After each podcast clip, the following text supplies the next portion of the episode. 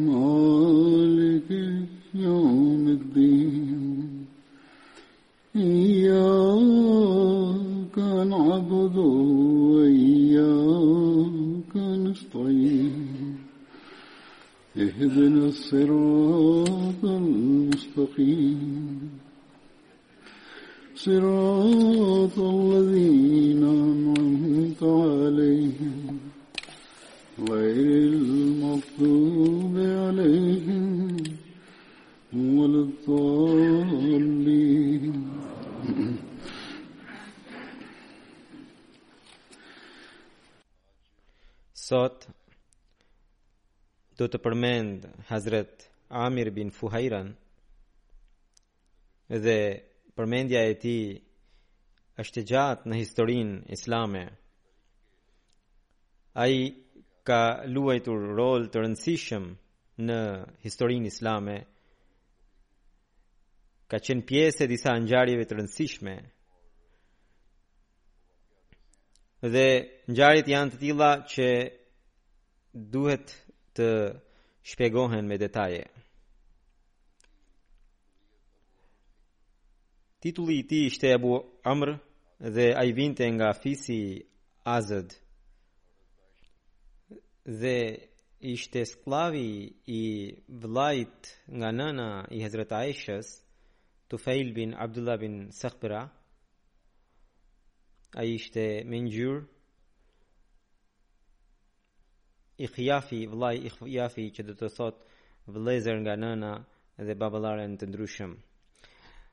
Hazrat Amir bin Fuhaira ishte ndër muslimanët e parë Dhe ai e pranoi Islamin përpara se i dërguari i Allahut sallallahu alaihi wasallam të hynte në Dari Arqam. Dhe ai kulloste dhitë e Hazrat Abu Bekrit radhiyallahu anhu. Pasi e pranoi Islamin, ai u përball me sfilitje dhe vështirësi të rënda nga mohuesit. Më pas Hazrat Abu Bekri e bleu dhe e liroi. Në kohën e mërgimit, pra të hixhretit, kur i dërguari i Allahut sallallahu alaihi wasallam dhe Hazrat Abu Bekri qëndruan në shpellën Theur, ai kulloste dhitë e Abu Bekrit dhe Abu Bekri kishte porositur që t'i sillte dhitë në grykën e shpellës, ai gjithë ditën i kulloste dhe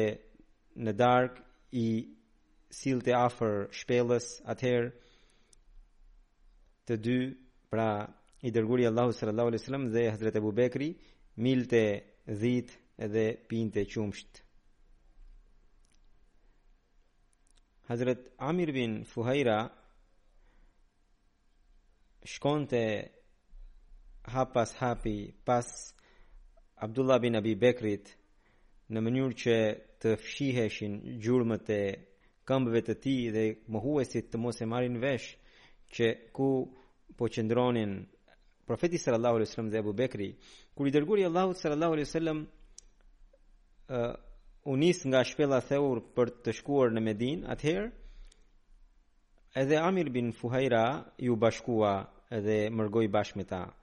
Hazret Ebu Bekri e hipi në devenë e tij mbrapa vetes dhe atëherë udhërrëfyesi i tyre ishte një idhujtar i Benu Edilit. I dërguari i Allahut sallallahu alaihi wasallam pas mërgimit vendosi vëllazëri mes Hazrat Amir bin Fuhairas dhe Hazrat Haris bin Ausit ibn Muazit. Hazrat Amir bin Fuhaira mori pjesë në betejën e Bedrit, po ashtu edhe në betejën e Uhudit dhe në ngjarjen e pusit Meuna ai ra dëshmor në moshën 40 vjeçare. Përpara se të bëhej mërgimi, Hazret Ebu Bekri liroi 7 skllevër të cilët sfiliteshin në rrugën e Zotit, ndër dy ndër ta ishte ishin Hazret Bilali dhe Hazret Amir bin Fuhaira radhiyallahu anhuma.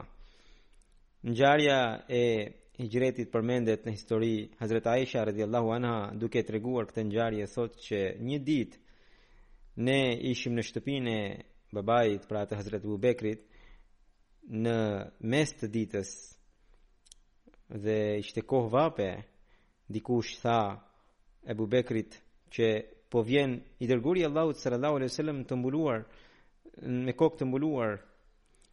Ai erdhi në një kohë kur zakonisht nuk vinte. Hazrat Abu Bekri tha: Të flijofshin, ty të flijofshin prindërit e mi o i dërguari i Allahut. Pasha Zotin ka një gjë me rëndësi që ke ardhur në këtë kohë. Ndërkohë profeti sallallahu alajhi wasallam mbriti te dera dhe kërkoi leje për të hyrë brenda. Edhe Hazrat Abu Bekri radhiyallahu anhu e lejoi, ai hyri brenda dhe i dërguari i Allahut sallallahu alaihi wasallam i tha Abu Bekrit që largoi këta që i ke afër Hazrat Abu Bekri i tha o i dërguari i Allahut ty të flijofshin prindërit e mi në shtëpinë tonë kemi vetëm njerëzit e tu pra Hazrat Aisha dhe e, nana e saj Atëherë i dërguari i Allahut sallallahu alaihi wasallam tha se Zoti më ka dhënë leje për të mërguar Ebu Bekri tha, o i dërguari i Allahut, edhe mua më merrni, ju lutem, të flijofshin prindërit e mi për ty. Atëherë i dërguari i Allahut sallallahu alaihi wasallam tha, se po, edhe ti, hajde me mua. Atëherë Hazret Ebu Bekri tha, o i dërguari i Allahut, prindërit e mi u flijofshin për ty, e, unë kam përgatitur dy deve njërën të lutem merre i dërguari i Allahut sallallahu alaihi wasallam tha po do ta marr por me duke paguar Hazret Aisha radhiyallahu anha tha që atëherë ne shpejt e shpejt përgatitëm ushqimin për rrugë dhe plaçkat ushqimin e futëm në një çantë me lëkurë Hazret pra vajza Hazret Asma e Abu Bekrit lidhi çantën me duke krisur një pjesë të rripit të saj atëherë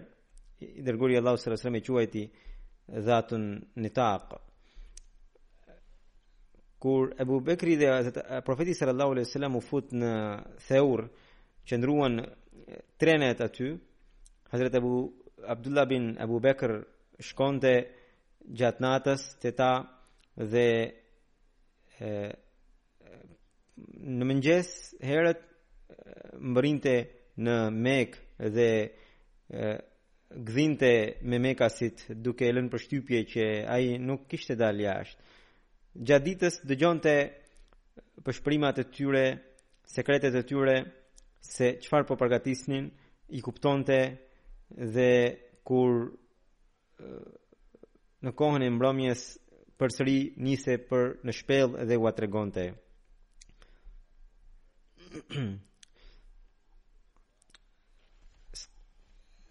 Robi i Hazret Ebu Bekrit Amir bin Fuhajra merte një dhi me qumësht dhe e çonte deri te shpella gjatë natës dhe ata të dy pinin qumësht të freskët dhe kalonin natën. Amir bin Fuhaira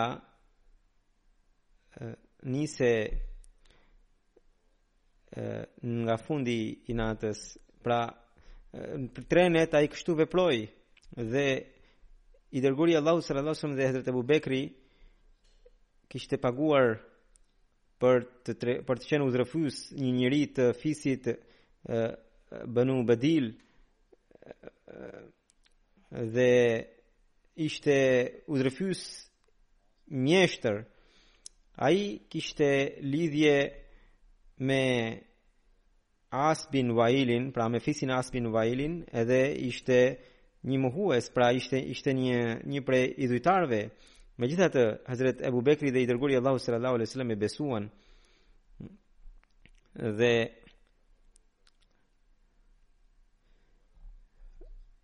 Pra i dorëzuan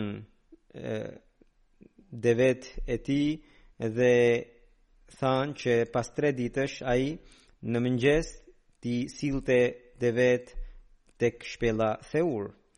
Amir bin Fuhajra dhe ky udhërrëfyes shoqëruan Hazrat Abu Bekrin dhe Profetin sallallahu alaihi wasallam dhe udhërrëfyesi i çoi deri në Medinë nga rruga pranë detit. Kjo është rrëfimi në Buhari. Suraqa bin Malik bin Xhushem thoshte që tek ne erdhën postierët e mohuesve dhe thanë që kushdo që do të sjellë profetin Muhammed sallallahu alaihi wasallam dhe Ebu Bekrin të burgosur ose të vrarë do t'i jepet një çmim i madh. Ndërkohë isha aty dhe erdhi një njeri tjetër kur ne po diskutonim që si do t'i kapnim, si do t'i gjenim, ku do t'i gjenim. Ndërkohë sot erdhi një njeri i cili i cili më tha mua që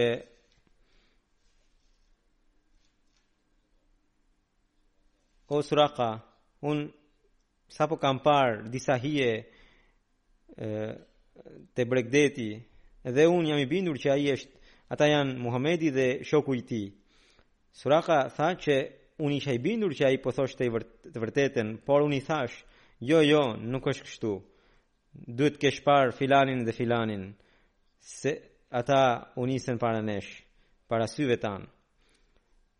Më pas qëndrova edhe pak kohë në atë kuvend në mënyrë që ta bindja personin në fjalë se unë nuk do t'i nuk do të nisesha për t'i ndjekur sepse e lakmoja shumë çmimin. Edhe më pas kur kaloi pak kohë u çova Shkova në shpi i thashë skllaves të më bënte gati kalin dhe ta çonte mbrapa kodrës. Ishte një kodër e vogël mbrapa shpisë së tij. Kështu që mora ushtën time dhe duke u mbështetur ndaj ushtës dhe hipa në kal pra tregon detaje se si ka vepruar vetëm për për të fituar çmimin e madh që ishte përcaktuar.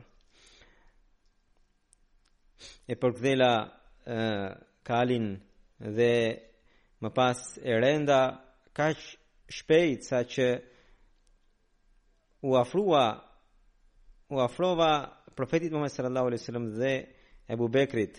Atëherë Kali im u rrëzua Unë u çova dhe nxora një short nga shigjetat e mia për të kuptuar se a mund t'i dëmtoja apo jo.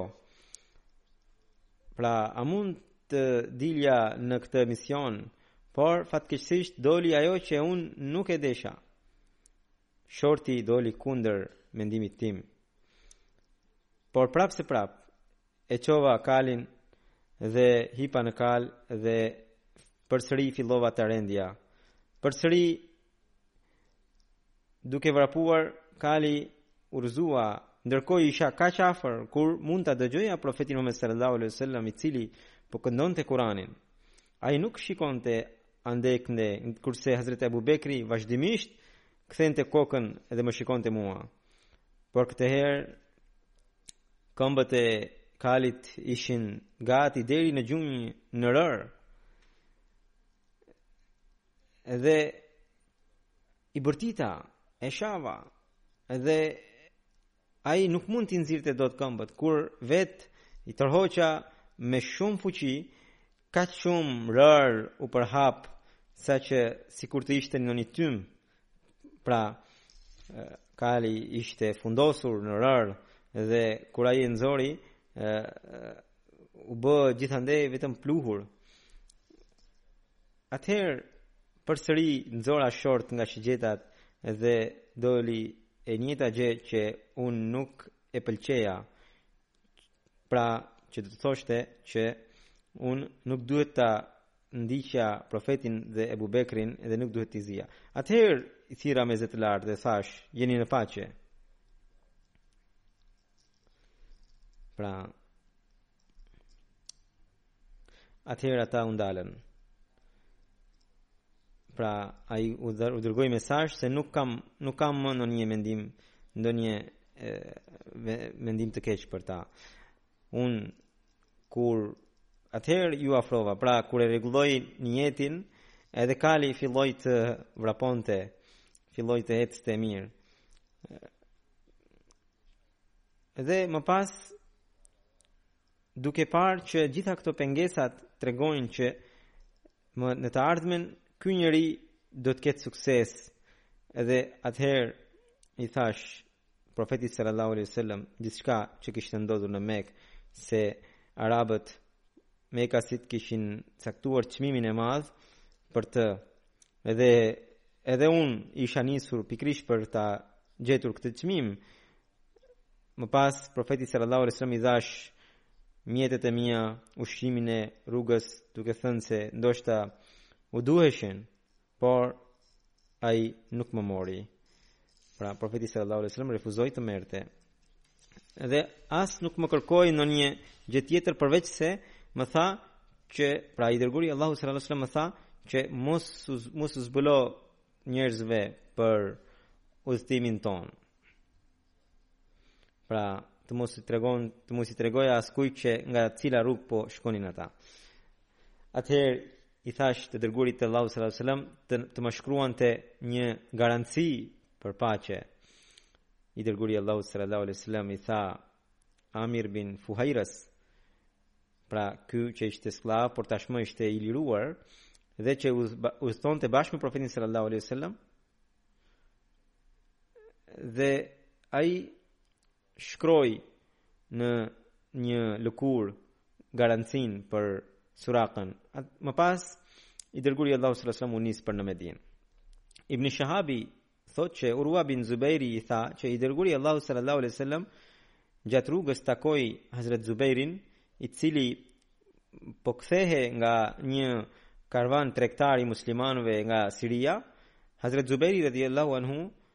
I dha të dërguarit të Allahut sallallahu alaihi wasallam dhe Hazrat Abu Bekrit veshje të bardha.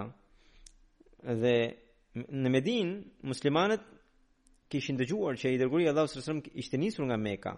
Dhe për këtë arsye ata çdo ditë në mëngjes dilnin në fushën Harra dhe aty e prisnin derisa i largonte vapa e mesditës. Pra, deri në drekë, qëndronin aty nga mëngjesi deri në drekë, edhe kur dielli ishte i fuqishëm nga vapa ata ktheheshin. Prisnin dhe, kur do të mbërrinte i dërguari i Allahut sallallahu alaihi wasallam.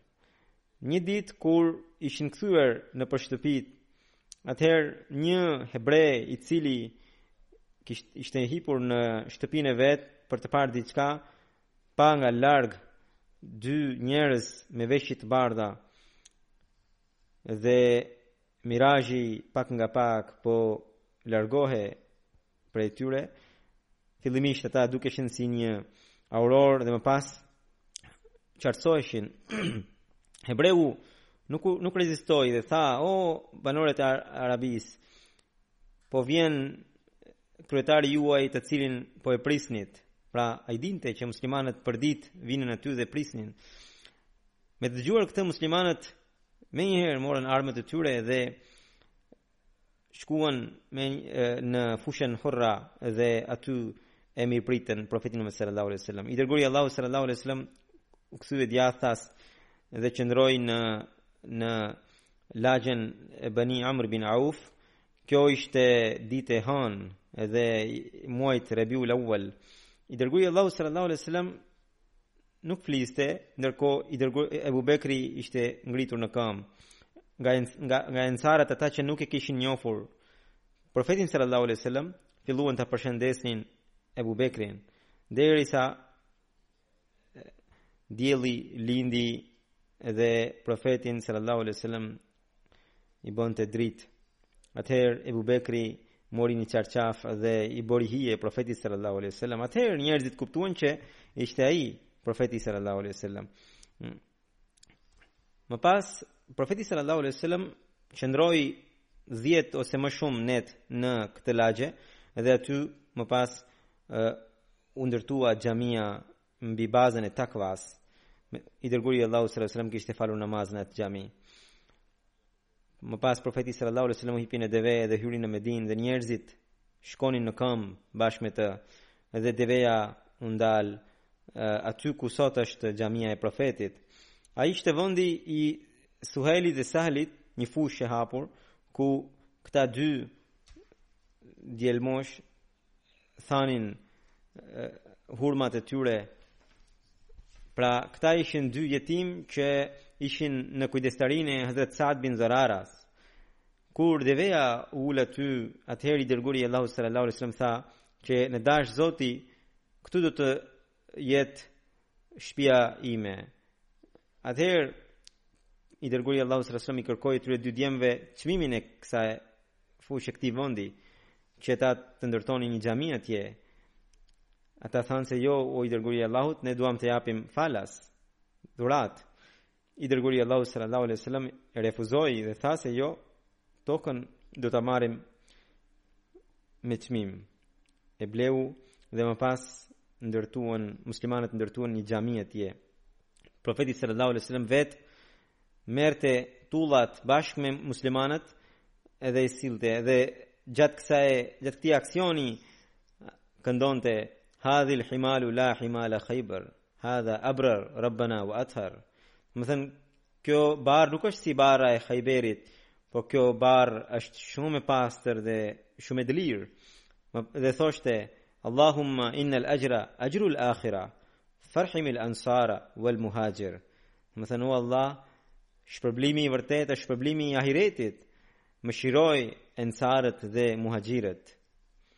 Edhe ky është rrëfim nga Sahihi i Buhariut.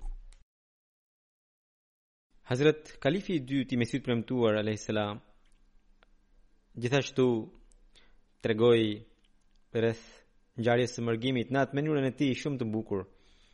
Dhe për këtë arsye Unë këtu dua të sjell edhe fjalët e tij. Ai thotë që më në fund Meka thuajse u zbraz nga muslimanët, mbetën vetëm disa skllevër. Profeti sallallahu alaihi wasallam vetë, Abu Bekri radhiyallahu anhu dhe Aliu radhiyallahu anhu. Shqetësimi që gjahu i tyre shumë shpejt do të dilte jashtë kufijve, i mblodhi krerët e Mekës për t'u këshilluar dhe për të arritur në ujdi që ta vrisnin profetin Muhammed sallallahu alaihi wasallam. Sipas planit të veçantë të Zotit, dita e caktuar e mërgimit të profetit sallallahu alaihi wasallam ishte e njëjtë me atë që kishin lënë krerët për vrasjen e tij. Ndërsa kundërshtarët po mblidheshin pranë shtëpisë së tij për të vendosur unazën e rrethimit në errësirë të plotë, profeti sallallahu alejhi dhe sellem po dilte nga shtëpia, pra nga njëra anë mohuesit po mblidheshin për ta vrarë profetin dhe nga ana tjetër Zoti i tha profetit që të dilte nga shtëpia. Mekasit thotë kalifi i dytë, me siguri druheshin se mos e kishte marrë vesh profeti sallallahu alajhi wasallam planin e tyre, prapë se prapë. Kur ai kaloi pranë tyre, ata kujtuan se ishte dikush tjetër dhe në vend ta sulmonin, zunë të fshiheshin nga frika se puçi i tyre do të nxirrej në shesh. Një ditë përpara ishte njoftuar edhe Ebu Bekri për planin e mërgimit. Andaj, rrugës edhe ai iu bashkua profetit sallallahu alaihi wasallam. Shumë shpejt të dy dolën nga Meka dhe 3 apo 4 milje larg u strehuan në një shpellë të kodrës Theur. Këndej, kundërshtarët kur e morën vesh që Muhamedi sallallahu alaihi wasallam ishte arratisur nga Meka, mblodhën një grup ushtarësh dhe dolën për ta ndjekur atë. Ata kishin marrë edhe një gjurmues të stërvitur për këtë punë, i cili e gjurmoi profetin sallallahu alaihi wasallam deri në kodrën Theur, kur po qëndronte pikërisht në hyrje të asaj shpelle ku ndodhej profeti sallallahu alaihi wasallam me Ebu Bekrin radhiyallahu anhu, gjurmuesi u tha i bindur krerëve, Muhamedi ose është në këtë shpellë, ose është ngjitur në qiell prej këtu. Ebu Bekri, që e dëgjonte gjurmuesin, i frikësuar, i pëshpëriti në vesh, profetit sallallahu alaihi sallam. Armiku ka mbërritur, mund të hyjë në çdo çast. La tahzen, innallahe ma'ana. Mos ki frikë, Zoti është me ne, e siguroi profeti sallallahu alaihi sallam. Ebu Bekri tha, nuk po frikësohem për veten, o i dërguari i Allahut, sallallahu alaihi wasallam, sepse një njeri i thjeshtë jam. Nëse vritem, vritet një njeri, unë frikësohem për ju. Nëse ju do të pësoni ndonjë dëm, atëherë besimi dhe feja do të marrin fund nga kjo botë. Profeti sallallahu alaihi wasallam tha, nuk ka nevojë për t'u shqetësuar. Nuk jemi vetëm ne të dy në këtë shpellë, por ka edhe një të tretë, Zoti ynë i Madhërishëm. Kishte ardhur koha që tirania mekase të sosej dhe islamit t'i jepej afati i shtrirjes dhe përhapjes. Afati i mekasve tani ishte drejt fundit. Zoti i Lartësuar sikur ju kishte vënë perde syve të tyre, sepse ata zunë të talleshin me gjurmuesin duke thënë, si ka mundësi që ai të fshihet në një vend kaq të hapur, vallë, a mund t'i shërbejë edhe kjo shpellë dikujt si vend strehimi? Këtu ka vetëm gjarpërinj dhe akrepa, një njeri që ka pak mend kurrsesi nuk do të hyjë këtu. As nuk e panë të nevojshme për të hedhur qoftë një shikim në shpellë dhe u kthyen në Mekë. Sipas planit, Profeti sallallahu alejhi wasallam dhe Ebu Bekri dy ditë qëndruan atje. Pastaj gjatë natës atyre u siguruan dy deve të shpejta.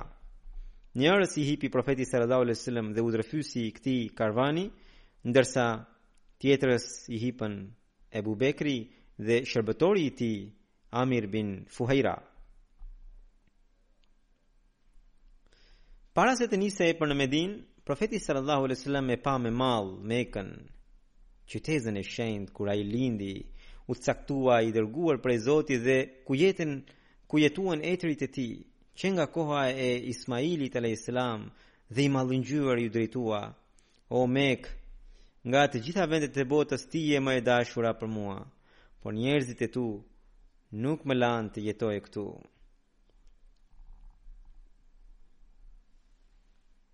Edhe Ebu Bekri, radiallahu anhu, u shpreh, mjerë këta njerëz që kanë dëbuar profetin e tyre, shkatërrimi i tyre tashmë është i sigurt. Kur mekasit dështuan në gjetjen e profetit Muhammed sallallahu alaihi wasallam, ata lëshuan njoftimin: Çdokush që sjell Muhammedin ose Abu Bekrin, të gjallë apo të vdekur, do të shpërblehet me 100 deve. Njoftimin e shpërndanë edhe në fise të tjera që jetonin përreth Mekës.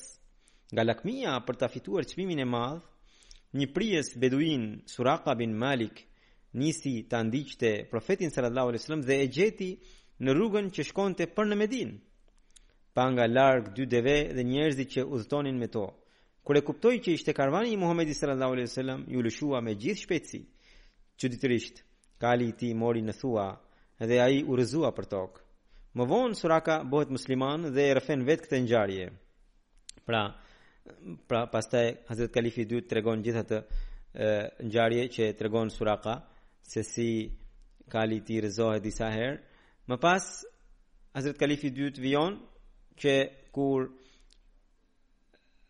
i dërguar i dërguar i Allahut sallallahu alaihi wasallam urdhëroi Amir bin Fuhairan, shërbëtorin e Abu Bekrit që të shkruante një fletë garancie dhe të ma jepte mua, pra citon Surakën.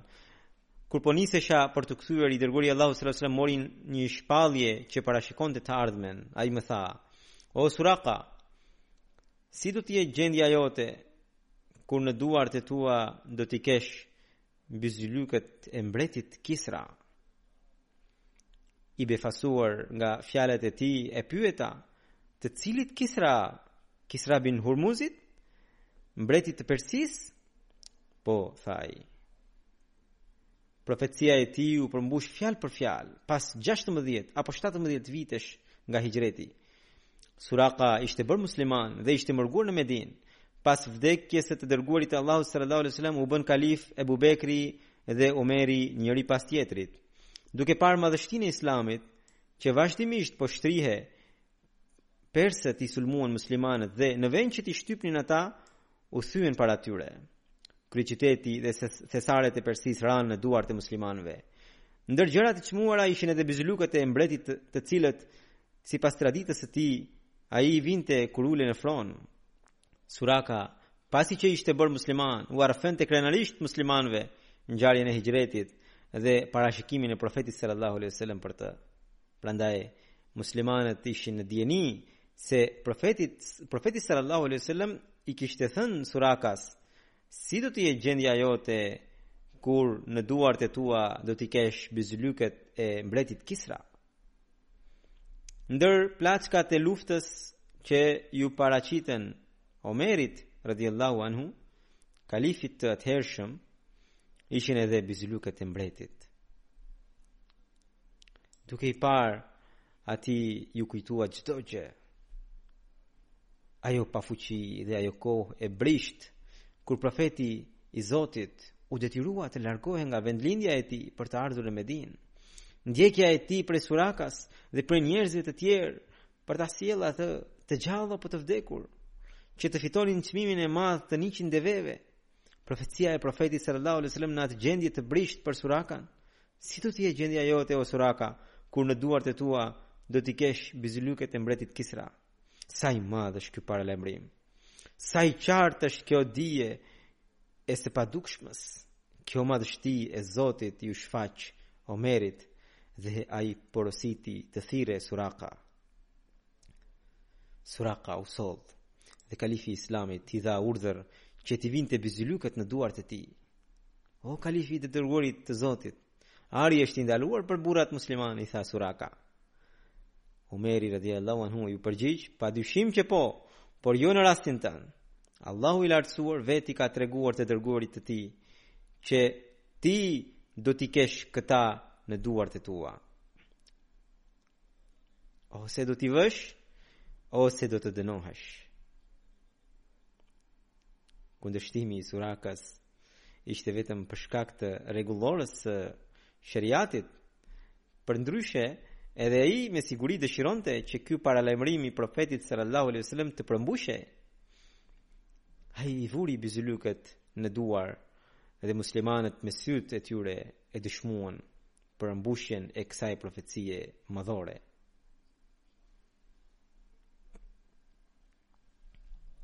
Në disa libra përmendet që kjo profeci profeti sallallahu alaihi wasallam këtë profeci nuk e bëri gjatë kohës së hixhretit, por kur po kthehej nga Taifi.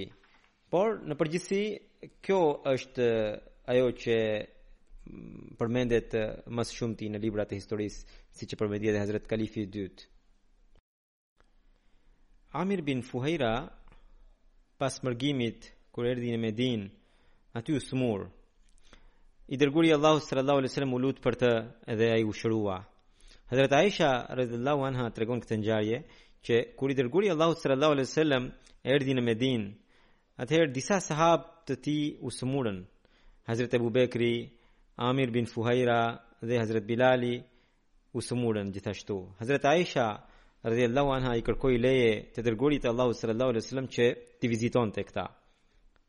Profeti e lejoi.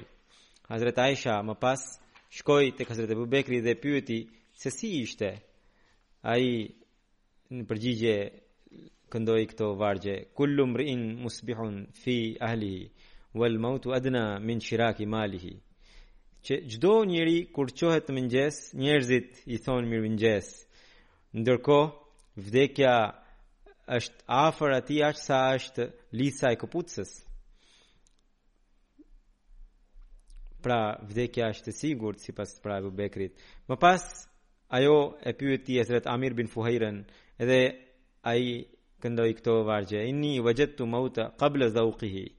Innal jabana Hatfuhu min fauqihi. Domethënë, unë vdekjen e kam shijuar, e kam gjetur përpara se ta shijoj atë, dhe tha që burracaku vdes përnjëherë, kurse, thot, trimi, Gjithmonë tregohet i gatshëm për të. Më pas Aisha, ajo shkoi te Hazrat Bilali dhe pyeti dhe Bilali këndoi këto vargje. Ja lejte shiri ja hli jetini Leila. Bi fajji hauli idhkhir wa jalil. Ah sikur ta dija se do të kaloja ndonjë natë në Mekë edhe rreth meje të ishte bari idhkhir dhe xhelil i Mekës. Më pas, i dër, ajo erdhi tek i Dërguari i Allahut sallallahu alaihi sallam dhe ua tregoi, i tregoi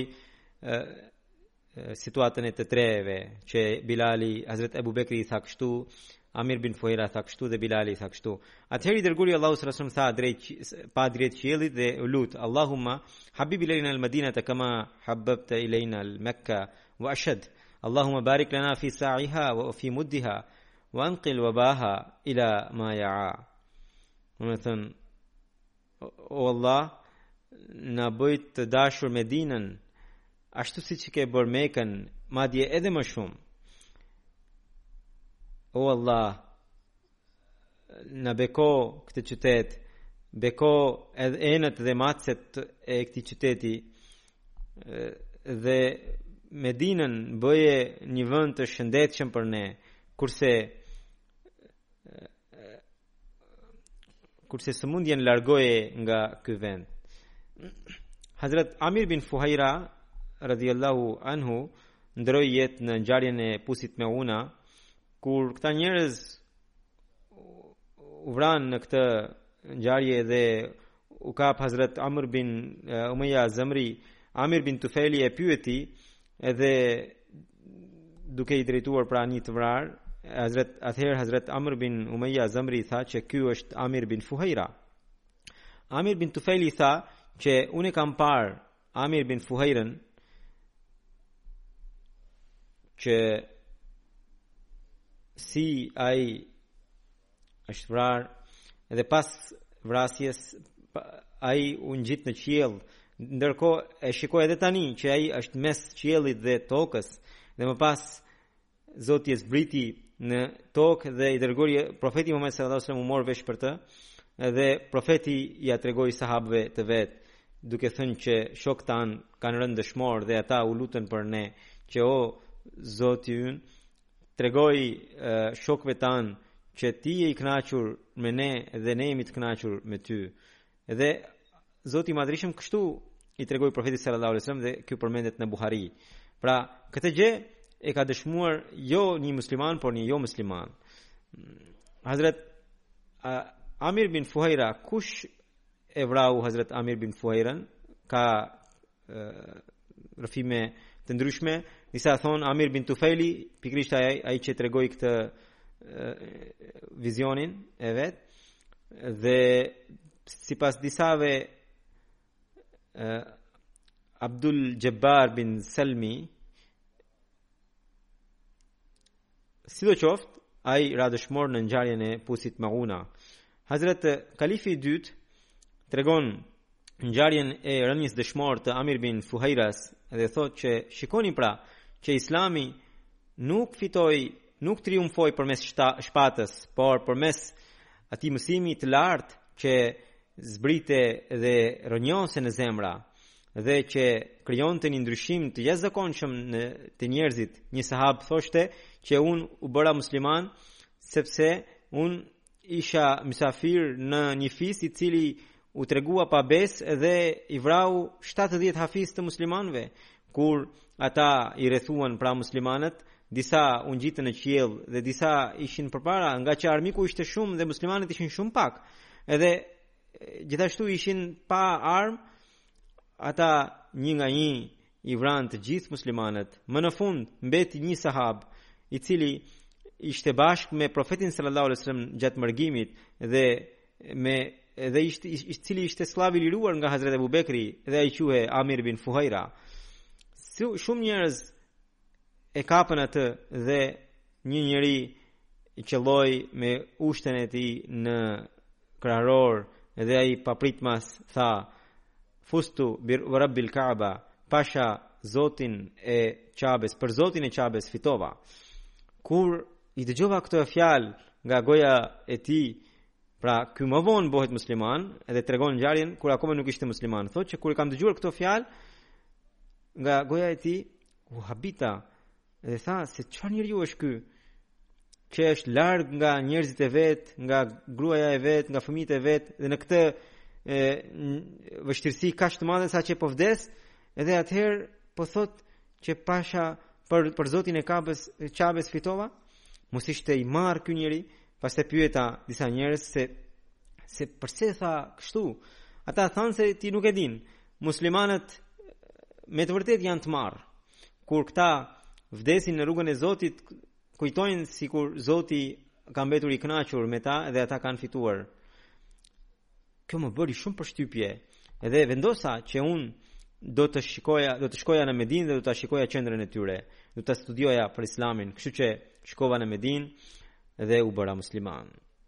Sahabët thonë që çdo njeri i kësaj ngjarje, pra thotë që një njeri që vritet në këtë ngjarje, i cili është larg nga vendlindja e tij, edhe duke vdekur, ai thotë për Zotin e Qabes fitova, pra thotë këtë ngjarje i tregonte që kur vinte tek kjo fjalë nga domethënë atij dridhej trupi edhe i lotonin sytë kur pra ky njeri e tregonte këtë ngjarje. Pra kjo tregon që Islami u përhap me nga meritat e tij dhe jo me shpatë dhe jo me me zor. Gjithashtu thuhet që Hazret Amir bin Fuhajra kur ra dëshmor, fjalët që ai shqiptoi ishte edhe fustu wa rabbil kaaba ose fustu wallahi këto të dyja pra rrëfime të dyja kanë të njëjtin kuptim këto fjalë kanë thënë edhe sahabët e tjerë kur ndërronin jetë Dhe Kalifi i dytë thotë se kur ne lexojmë historinë e Islamit, dimë që sahabët kur shkonin në luftë, ata ishin të bindur që vdekja për ta ishte fatmirësia dhe kur merrnin ndonjë lëndim, nuk e merrnin si brengë, por si lehtësim. Dhe ka plot ngjarje në historinë e Islamit që shumë sahabë kur ranë dëshmor në rrugën e Zotit, Këtë gjë ata e quajtën liri, këtë gjë e quajtën si rehati. Për shembull, i dërguari i Allahut sallallahu alaihi wasallam kishte dërguar hafizët drejt mesit të Arabisë për të dërguar mesazhin e islamit dhe ndër ta ishte Haram bin Melhan që shkoi tek kabila Amir dhe tek kryetari i tyre Amir bin Tufail. Fillimisht ata pra këta mohuesit u treguan hipokritë dhe e mirëpritën dhe më pas kur u qetësuan që ai kishte hyrë në mes nga mbrapa erdhën dhe i qelluan me me me një shtizë Haram bin Melhan kur kuptoi se po binte dëshmor tha Allahu akbar fustu wa rabbil kaaba, domethënë për Allahun fitova për Zotin e Qabes. Më pas ata sulmuan rrethuan të hafizët e tjerë dhe ndër ta ishte edhe Hazrat Amir bin Fuhaira që ishte që i skllavi i liruar i Hazrat Abu Bekrit dhe që ai që e vrau Amir bin Fuhairen ishte bërë musliman dhe ai tregonte që ishte bërë musliman pikërisht për shkak të kësaj ngjarje, sepse Amir bin Fuhaira gjithashtu i tha pikërisht këto fjalë kur po ndronte jetë. Këto ngjarje tregojnë se sa fatlum kanë qenë këta njerëz, sidomos Hazrat Amir bin Fuhaira, i cili pati mundësinë t'i shërbente së pari Hazrat Abu Bekrit dhe më pas të dërguarit të Allahut sallallahu alaihi wasallam. Ishte shoqëruesi i profetit sallallahu alaihi wasallam gjatë hijretit. Ai për tre ditë radhazi u çonte ushqim profetit sallallahu alaihi wasallam dhe Ebu Bekrit në shpellën Theur, pra u çonte dhitë që ata t'i milnin. Sepse në atë kohë ushqimi ishte qumshti i dhive. Ishte pikërisht ai, pra Amir bin Fuhaira që me urdhrin e profetit sallallahu alaihi wasallam i shkroi garancinë për Surakën, Gjatë ngjarjes së Hijretit, siç e dëgjuam, Profeti Muhammed sallallahu alaihi wasallam u njoftua prej Zotit për ngjarjen se ai kishte rënë dëshmor. Pra shkurt, nëse mund të themi Amir bin Fuhaira ishte i tëri besnik. Në çdo rast ai tregoi besnikërinë e tij ndaj Islamit, ndaj Profetit sallallahu alajhi wasallam, Allahu ia ngrittë nivelet në xhenet vazhdimisht.